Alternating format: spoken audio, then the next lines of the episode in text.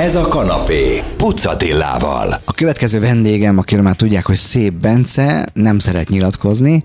Ha felmegy a színpad és bűvészkedik, akkor ő a világ legügyetlenebb bűvésze, stand-up-pol forgatókönyvet ír, egy szóval egy érdekes ember, és van is szerencsém őt ismerni. Hát jó régről, különben kutogattam ott az archívumban, amikor még stand-up brigádoztunk, meg volt az open mic, az a nyitott mikrofon, mindenki, mindenki jöhet, aztán mondhatja.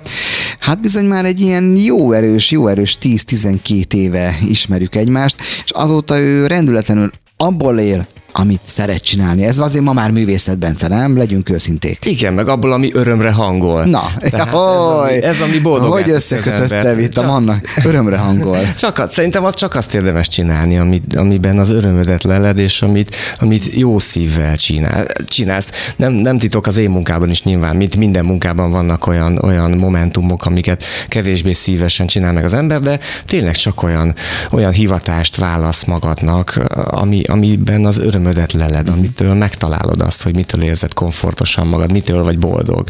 És Pársz... én, én boldog vagyok.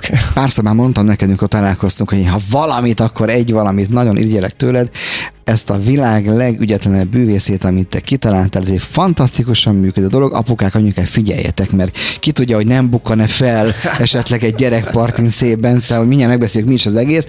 Nyilván az ember nem nyúlja le, mert kollégától, barától, havertól nem nyúl le, ötleted maga, az ötlet az egy óriási. Tehát te, a gyerekek annak örülnek, hogy te egy ügyetlen bűvész vagy tulajdonképpen, nem? Így van, ez egy kifordított bűvészműsor. Én úgy megyek ki a színpadra, hogy hát én nem tudok varázsolni, nekem nincs nincsenek ilyen képességeim, nem is ismerek varázsigéket, de nagyon-nagyon szeretnék varázsolni, és akkor elrontom a trükköt, és akkor nevetnek a nézők, és mondom neki, hogy ne röhögjél, hát gyere, aztán segítsél, és csináljuk már együtt, és, és kijön mondjuk egy gyerek, és ő, ő varázsol. Hát nyilván én készítem elő a trükköt, de hogy ő varázsol, és ez egy, ez egy plusz örömforrás a gyerekeknek, mert egyrészt a, a csoda az ő karjaiban történik meg, másrészt pedig felé kerekedik egy, egy felnőttnek, tehát ez, ezt mi felnőttek hajlamosak vagyunk elfelejteni, hogy a gyerekekben azért vannak, vannak gátlások a felnőttek iránt, és, és most van egy olyan helyzet, amiben én komfortosan hozom őket, hogy, hogy ő komfortosan érzi magát abban, hogy ő ügyesebb tud lenni, mint egy felnőtt. Miközben meg hatalmasakat nevet, és nagyon-nagyon jól szórakozik, mert ez egy stand-up comedy bűvész műsor, ugye én a stand-up miatt nagyon sok humort használok a produkcióimban. Igazából ez egy stand-up comedy műsor bűvész trükkökkel fűszerezve. Gyerekeknek. És, ilyen családbarát. Tehát aha, aha. Tehát én nagyon figyelek arra, nagyjából az Alma együttessel együtt indítottuk a, a pályánkat, és ők is tudatosan figyeltek arra, hogy nem csak gyerekek vannak a koncerten, és ezt én is gyakorlatilag a szakmában így, apa, így, apa, így mama. Nagyon, nagyon hamar észrevettem, nagyon kevés ember figyelt arra, hogy a gyerekekkel ott vannak a szülők is. Én a szülőknek is dobáltam poénokat, uh-huh. hogy ők is jól érezzék magukat, mert a, a legtöbb, mint a 20 évvel ezelőtti gyerek műsorban nagyon cukik voltak az előadók, de a szülők halára unták magukat. Mert, mert, a, mert a gyerekekhez csúnya szóval leereszkedtek az előadók szerint. Én meg ezt megfordítom, szerintem föl lehet emelni a gyerekeket, mert nagyon egészséges, nagyon jó humoruk van. Lehet, hogy nem ismernek még bizonyos utalásokat, vagy baseball idiómákat, vagy nem tudom én, tehát most szándékosan mondok ilyen fals dolgokat, de hogy, hogy azokat lehet dobálni a felnőtteknek. És ha egy gyerek azt érzi, hogy az édesapja, édesanyja is nagyon jól szórakozik, meg még ő is jól szórakozik, akkor tényleg el tudja engedni magát, és ez nem akarok átmenni ilyen szép Bence Paolo Coelho-ba, de hogy ez, ezek az energiák így összeadódnak a nézőtéren, és nyilván ez hat rám is. Tehát én egy, egy-egy ilyen előadás után, és ezt biztos számos előadó elmondta már, hogy olyan boldogságérzet fogja el az embert, olyan feldobódott állapotba kerül, amit, amit nagyon nehéz szavakkal leírni, egy, egy kiváló, egy nagyon-nagyon jó érzés, és akkor, akkor mész haza, vezetsz haza az autóddal, és azt érzed, hogy tiéd a világ, és boldogá tettem a 150 embert, akik ott voltak a nézőtéren. Erre mondja a művet angol a win-win szituáció, nem? Igen, Nekik is, meg igen, neki azért igen, valamit igen. csak lehet találni. És nekem még fizetnek is érte. és akkor win-win-win, tehát akkor igen. win és win a négyzeten. Igen. No hát ilyen hangulatban folytatjuk szép Bencével a beszélgetést, aki, hát hallották, mi minden volt, mi minden nem volt, még erről beszélgetünk, zene, aztán jön Bence. Ez a kanapé, Pucatillával. Folytatjuk kalandozásunkat az előadó művészet világában, a vendégem mindig Szép Bence, akit én úgy ismertem meg, hogy egyszer csak jelentkeztem egy ilyen open mic, egy ilyen tehetségkutatóra, a fiatal jelzőt azt szerencsére ők elhagyták, tehát nem a fiatal félörültek fesztiválja volt. Én azt mondom, és akkor kezdjünk erről beszélgetni, hogy, hogy a stand-uphoz, aminek szintén az egy jeles képviselő vagy, bár legutóbb láttam veled egy riportot, és azt mondtad, hogy te nem találtad meg annyira a hangodat. Ez érdekel, hogy egy picit lehúztad magad ebbe a beszélgetésbe, hogy neked, pedig neked is van, van egy tempó, van egy, van egy semmi, ez nem hasonlítható hangulat, amit te tudsz kelteni, sokat poénkot a családdal, szülőkkel. Miért mondtad ezt, hogy nincs olyan markáns hangod? Nincs meg az, nincs meg az a karakterem a stand mint ami a, a családi műsorok vagy a gyerekműsorok terén a világ legügyetlenebb bűvésze, az már szinte egy brand, ha szabad ilyen nagy szavakat használni. Tehát a stand nagyon sok stand van, és, és vannak igazán erős karakterek a színpadon. Azt mondják, nekem is jó a műsorom, de hogy ha, ha te nagyon jól átapintottál, én főleg családi történeteket mondok, de nagyon sokan mondanak családi történeteket. Tehát ha művészet történeti példát szeretnék hozni, akkor nincs meg az az attribútumom, amitől én egy szép Bence vagyok a színpadon, amitől különlegesebb az én stand mint másnak. Nekem a, a stand-up sztoriaim azok, azok nagyjából ugyanazok, mint, mint nagyon sok más kollégának. Valóban én sok családi sztorit mondok, én nem megyek bele politikai témákba, én nem vagyok trágára a, a színpadon, nem szeretek nagyon különösebben világmegváltó gondolatokat megosztani a, a színpadon, nem, minden nincs tévém, nem tudom, hogy milyen reklámok mennek a tévében, nem tudom, milyen műsorok mennek a tévében, tehát én ezekkel annyira nem nagyon foglalkozom. Én a családdal, én egy vidéki fiú vagyok, én a vidéki élettel ö, appellálok. Ja, hát amikor én, én Vasmegyei vagyok, és amikor vidéki sztorikat mondok, akkor rendszeresen ugye a, a rádiókabaré megosztásoknál kommentekbe ott van, hogy én egy ilyen Bödöcs klón vagyok, Bödös Tibor klón. Ezt ráthúzták ezt a jelzőt? Húzták, igen, de hát egészen más a mi, mi stílusunk. Más, más. Hát, hogy azt is megértem, hogy az embereknek valahogy könnyebb az, ha címkéznek, de hogy most attól, hogy én is egy vidéki fiú vagyok, és, és vidéki sztorikat mondok, még nem érek fel Bödös Tibor zsenialitásához, akinek meg egy egészen elképesztő agya van. Én mindenkinek mondom, hogy ha ő angolul stand akkor szerintem ott lenne a, a világ top három humorista előadójában, mert annyira zseniális. A vidékkel poénkodni az, az, az egy könnyű dolog, vagy ez a helyzet komikum adja magát? Mert ugye sokan poénkodnak, ugye a Sziklalaci is ott van például, igen, de igen. ott nőttél fel, igen, a Bödöcs is ott nőtt fel. Igen, én ott nőttem fel, nekem ez volt a természetes közegem, de, de már gyerekkorodban láttad azokat a, az érdekes dolgokat, amik már akkor feltűntek, hogy, hogy ez, ez így nagyon furcsa, hogy például, nem tudom én, nagyon sok házi állat volt egy időben a nagyszüleimnél, tyúkok, disznók, nyulak, és akkor hát eljött az a pillanat, amikor éhes a család, és hát ugye ezeket az állatokat át kell segíteni a, a nirvánába, vagy a, a valhallába, igen, és, és hát, hát ott, ott azért mindig egy ilyen erős markolással indul a pálinkás pohár felé, hogy az ember megkapja az erőt, és na innen már azért elindulnak olyan folyamatok, amiket ki lehet karikírozni, mert már ezek ott helyben viccesek. Nekem nagyon-nagyon vicces a családom, tehát én nagyon sokat köszönhetek nekik, mert egy kicsit ilyen olaszos, ilyen csipkelődő, beszóló, Nagy de hangú. nagyon szeretetteljes. Közepesen. Temperamentumos, tehát egy ilyen... Inkább ilyen közepe, közepesen Aha. nagy hangú, inkább, inkább így egymást, egymást piszkáljuk, szivatjuk, nyilván szeretettel, mert azért az egy fontos összetartó erő. Úgyhogy, úgyhogy a, ez, ezekben a sztorikban nagyon nagy szeretet van, egyszer volt egy olyan visszajelzésem, mert ha hiába kapsz te tízezer dicséretet, az, az, az, az, az nyilván jól esik, mert nagyon jó, de, de amikor valaki kritizál, vagy valami olyat mond, ami szerintem nem igaz, az nagyon megmarad benned, és én a szüleimnek azokból a mondataiból, amit egymásnak mondtak, azokból csináltam egy műsor. Nyilván ki van színezve, dramaturgiailag fel van építve, de hogy kaptam egyszer egy olyan kritikát utána, hogy én nem tisztelem a szüleimet, mert hogy beszélek róluk. És ezt amikor elmondtam anyukámnak, meg apukámnak, nagyot nevettek, és nagyon furcsán néztek, hogy de hát ezek mi vagyunk, hát mi mást mondjál rólunk, mint azt, ami ott történt, és én, én ezeket a történeteket szeretem elmondani, mert ezáltal nagyon sokan a saját családukra ismerhetnek figyelnek rá. És ez pont így van, aki ezt szeretné meghallgatni, hát meg kell keresni valahol neten egy szép Bence fellépést.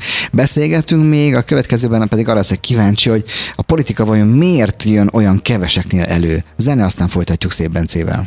Ez a kanapé, Pucatillával. Folytatjuk a kanapé adását, aki pedig most leült a kanapéra, szép Bence, hát em, kicsit előadom vész és polihisztor, azt mondhatom, nem? Hiszen Ne, már, ne. na, na, hát hiszen aki tud lenni ügyetlen bűvész, kabarészínész, mindjárt arról is beszélgetünk, forgatókönyvíró, egy stand a picikét én hadd húzzam rá a polihisztor jelzőt. No, Én, én meg hadd húzzam át, bocsánat, Jó, akkor lehúztad. mert én, nekem az első diplomám az, az történelem. Töri tanár. És igen, és, és én, én minden este nagyjából úgy fekszem le, hogy történelmet olvasok. Na. És, és nekem ez a szenvedély, nagyon szeretem. Melyik korszak érdekel igazából? Van, ami nagyon? Hát én, én, én, több korszak van, amit nagyon szeretek. Amit megszállottan olvasok, az a, az 1848-49-es forradalom és szabadságharc, különösen Görgei. Tehát én, én Görgei rajongó vagyok, ezt a barátaimből számtalan viccet csináltak már, hogy ha kell, engem fel se kell húzni, én hat órán keresztül vagyok képes Görgeiről levegővétel nélkül beszélni, egy zseniális pali volt, és óriási szívfájdalma, és itt is elmondom a rádióhallgatóknak, hogy,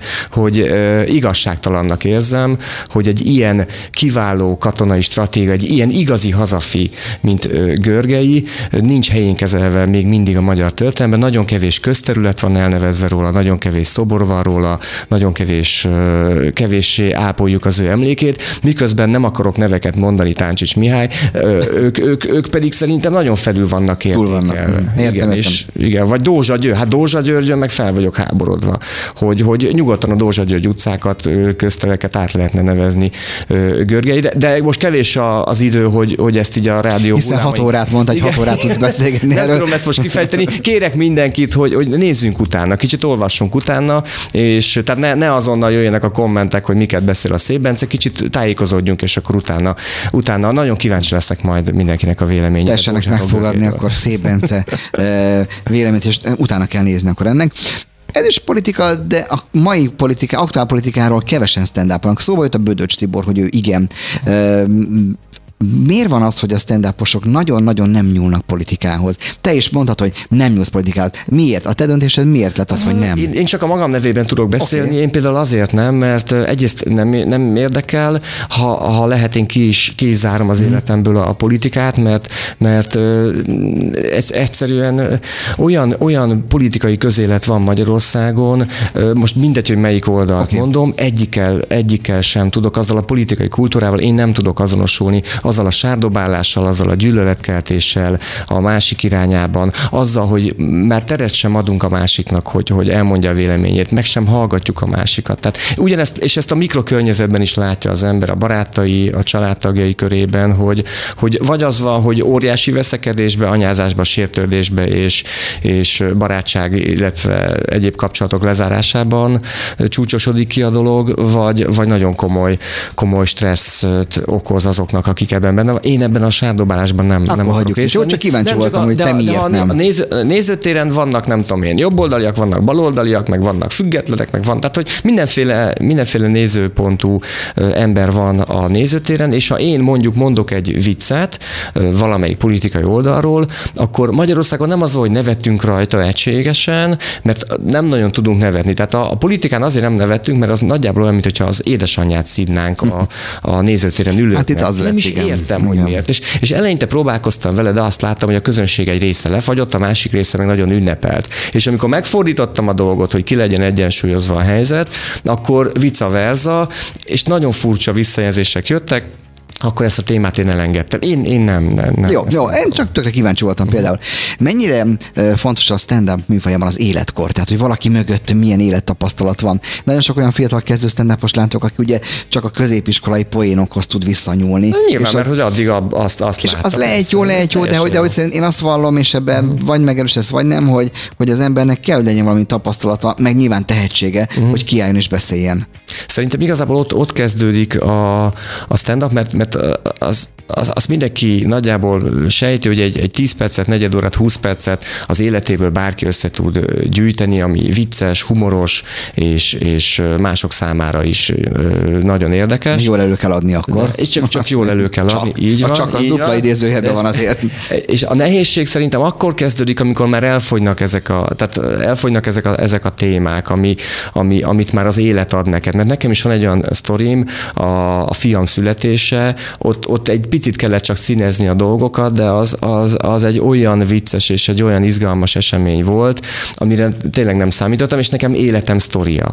Ezt, ezt feldolgoztam, előadtam, de ezen túl kell lépni, és akkor figyelni kell a, a hétköznapokat, figyelni kell a mindenféle folyamatokat. Ez, ez bármi lehet. stand arról is, ahogy a, a, a virágom nő, ahogy virágot hoz, ahogy locsolom, nem locsolom, stb. Tehát a, a, a, nagyon sok olyan, olyan embert ismerek, akiknek szerintem hihetetlenül izgalmas az élete. Van egy rokonom, most nem mondom, hogy az Attila, ő például a világ leg, legszebb tengerpartjait végigjárta már a munkája miatt, vitték őt reprezentációs célokból nagyon ex, exkluzív helyekre, de ő otthon érzi jól magát a maga kis lakásában, ő nem is, nem is nagyon mesél ezekről a helyekről. Hát én meg, ha elmegyek a sarki boltba, nekem az már egy kaland, hogy ott mit látok, hogy a, a feldolgozandó élmény, a boltban nem? milyen feliratok vannak, hogy a, a nénin milyen kendő volt, hogy a bácsinak a cipőjén mi volt. Tehát ez, ez, ez, ez szerintem egy szemlélet. Na hát így dolgozik Szébence stand és hamarosan le, felváltja őt a, a székben Szébence kabaré színész, hiszen a következő arra fogunk beszélgetni, hogy innen is mentek valahova tájolni, csúnyán mondva, szépen mondva, felépni pontosan mi ez a társulat, erről beszélgetünk a zene után Szébencével. Ez a kanapé, Pucatillával. Folytatjuk a beszélgetést Szébencével, aki váltotta a Szébence stand és helyet foglalt Szébence kabaré színész.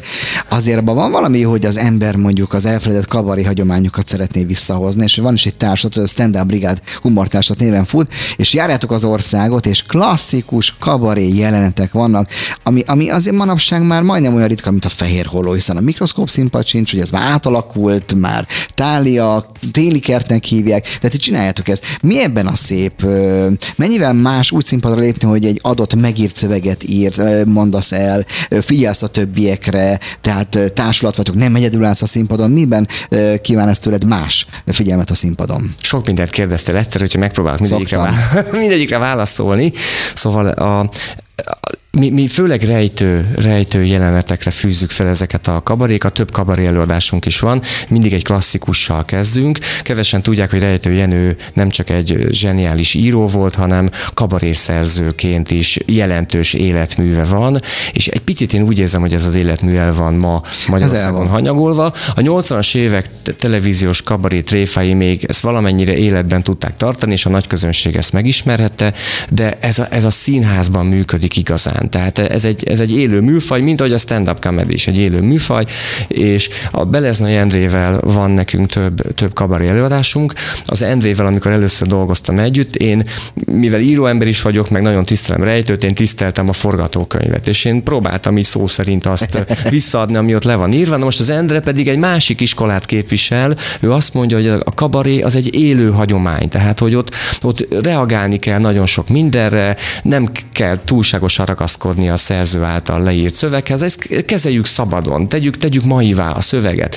És aztán összecsiszolódtunk az Endrével, de nekem ez egy ilyen érdekes dolog volt, és most már én is ezt vallom, hogy, hogy nem kell szent tehénnek tisztelni a, szöveget, nyilván zseniálisak a poénok, tehát érdemes azt mondani, mert azon aztán tényleg nagyon nevet a közönség, de hogy, hogy van azért... Picike improvizáció meg van engedve. Hát figyelj, az Endrével azért nagyon nehéz. Mert ő elengedi nehéz magát? Játsz, ő elengedi magát, és említetted, hogy színész vagyok, én nem vagyok színész, tehát nem végeztem el a színművészetit, én, én egy, egy outsider vagyok itt is, mint, mint sok minden másban az életemben, viszont nagyon boldog vagyok a színpadon, és, és nagyon jó érzés ott lenni, és, és hát az Endre engem többször már így, hát a nyílt színen megnevettetett. Például tegnap Nyírbátorban voltunk, és van egy előadás, ahol ő hozzám ér, és, és nekem ezt ki kell kérnem, hogy miért ér hozzám, hogy ne fogjon meg, engedjen engem az utamra, és akkor erre most így annyira nem, nem nagy poén, de mondott egy olyasmi valamit, hogy hát csak azért fogtam meg, mert nagyon jó anyaga van a zakójának, és milyen izmos a mellizma. És, és ez engem annyira váratlanul ért, a nézőket is, és engem is, hogy én hát gyakorlatilag a nézőkkel együtt ö, nevettem, próbáltam azért eltitkolni. Az jó vagy nem? Tehát ilyenkor, Nem mi, jó. ilyenkor milyen jó? Tehát Nem jó, ilyenkor, ez- ilyenkor ezt azt a- kell, hogy az ember felveszi, nem? És mondta ezt- egy visszapoint, Hát nem? ezt a színészek, ezt a színészek, hogyha most hallják, amit mondok, akkor, akkor a szakszervezetnél fognak tiltakozni, hogy engem többet ne engedjenek a színpadra. Hát ilyenkor próbálok mindig a volt középiskolai földrajztanárnőmre gondolni, elég kegyetlen emlékeket őrzött bennem, tehát hogy ezt a, ezt a túl csorduló boldogságérzetet a színpadon valamivel tudjam elnyomni. És akkor tehát így, így ezt, ezt, ezt próbálom, de hát kevés sikerrel, Teg, tegnap kevés sikerrel, és van, van egy másik jelenet, mert nem csak klasszikus kabaré van, hanem van benne stand-up comedy is, nekem vannak ugye elrontott bűvésztrükkjeim. Az is van ebben? Az is van Aha. ebben, igen, egy nagyon színes előadás, illetve van modern kabaré jelenet is, és és hát ott, ott is rengeteget improvizál Endre, és, és nagyon-nagyon jó vele, jó vele menni. Tehát nyilván vissza is lehet neki adni ezeket. Mennyire, ugye innen is mész valahova? Igen, igen, ö, Tassra, Tassra, megyünk. jól Tassra emlékszem. Mennyire könnyű a közönséget ma behozni egy ilyenre? Én, én azt érzékelem, hogy, hogy nagyon szeretnek az emberek színházba járni, még, még úgy is, hogy itt a Covid para miatt azért, azért amikor meg is nyitottak a, amikor nyitottak a színházak, akkor is sokszor kellett maszkban bent ülni a nézőtéren, stb. Igazából a tegnapi előadáson is voltak, akik maszkban ültek, uh-huh. nekem ezzel semmi bajom nincsen, de, de azért az, azt érzékelem, hogy, hogy nagyon ki vannak éhezve ezekre az élő szórakozási lehetőségekre. Meg, meg az tényleg egy más érzés, mint amikor otthon az ember ül a tévé előtt. Úgyhogy mindenkit arra buzdítok, színház az. vegyen színházjegyet. Én például a családomnak színházjegyeket adok ajándékba karácsonyra, születésnapra. Szuper, szuper, élmény. szuper, szuper végszó, mert én is mindig azt mondom, hogy élményt, Élményt, tessék van. venni ajándékba, ne egy újabb tárgyat, ami ott porosodik fenn, lehet elolvashat vissza, de, de ne, ne tárgyat tegyünk, vegyenek uh, szép Bence előadásokra, illetve hát uh, Stand Up Brigád humortársulat előadásokra, egyet be kell ütni és meg lehet őket találni. Köszönöm Szép Bencének az ügyetlen bűvésznek, Szép Bencének a stand Szép Bencének a kabarészínésznek, és aki itt volt, itt várt kint, nem beszéltünk vele Szép Bencével, a forgatókönyvíróval, íróval, velük majd azért visszajövünk, még legközelebb beszélgetünk a Séta Történelem című projektjéről is. Ez volt a kanapé második órája, folytatjuk, és Bencét most elengedjük Tasra.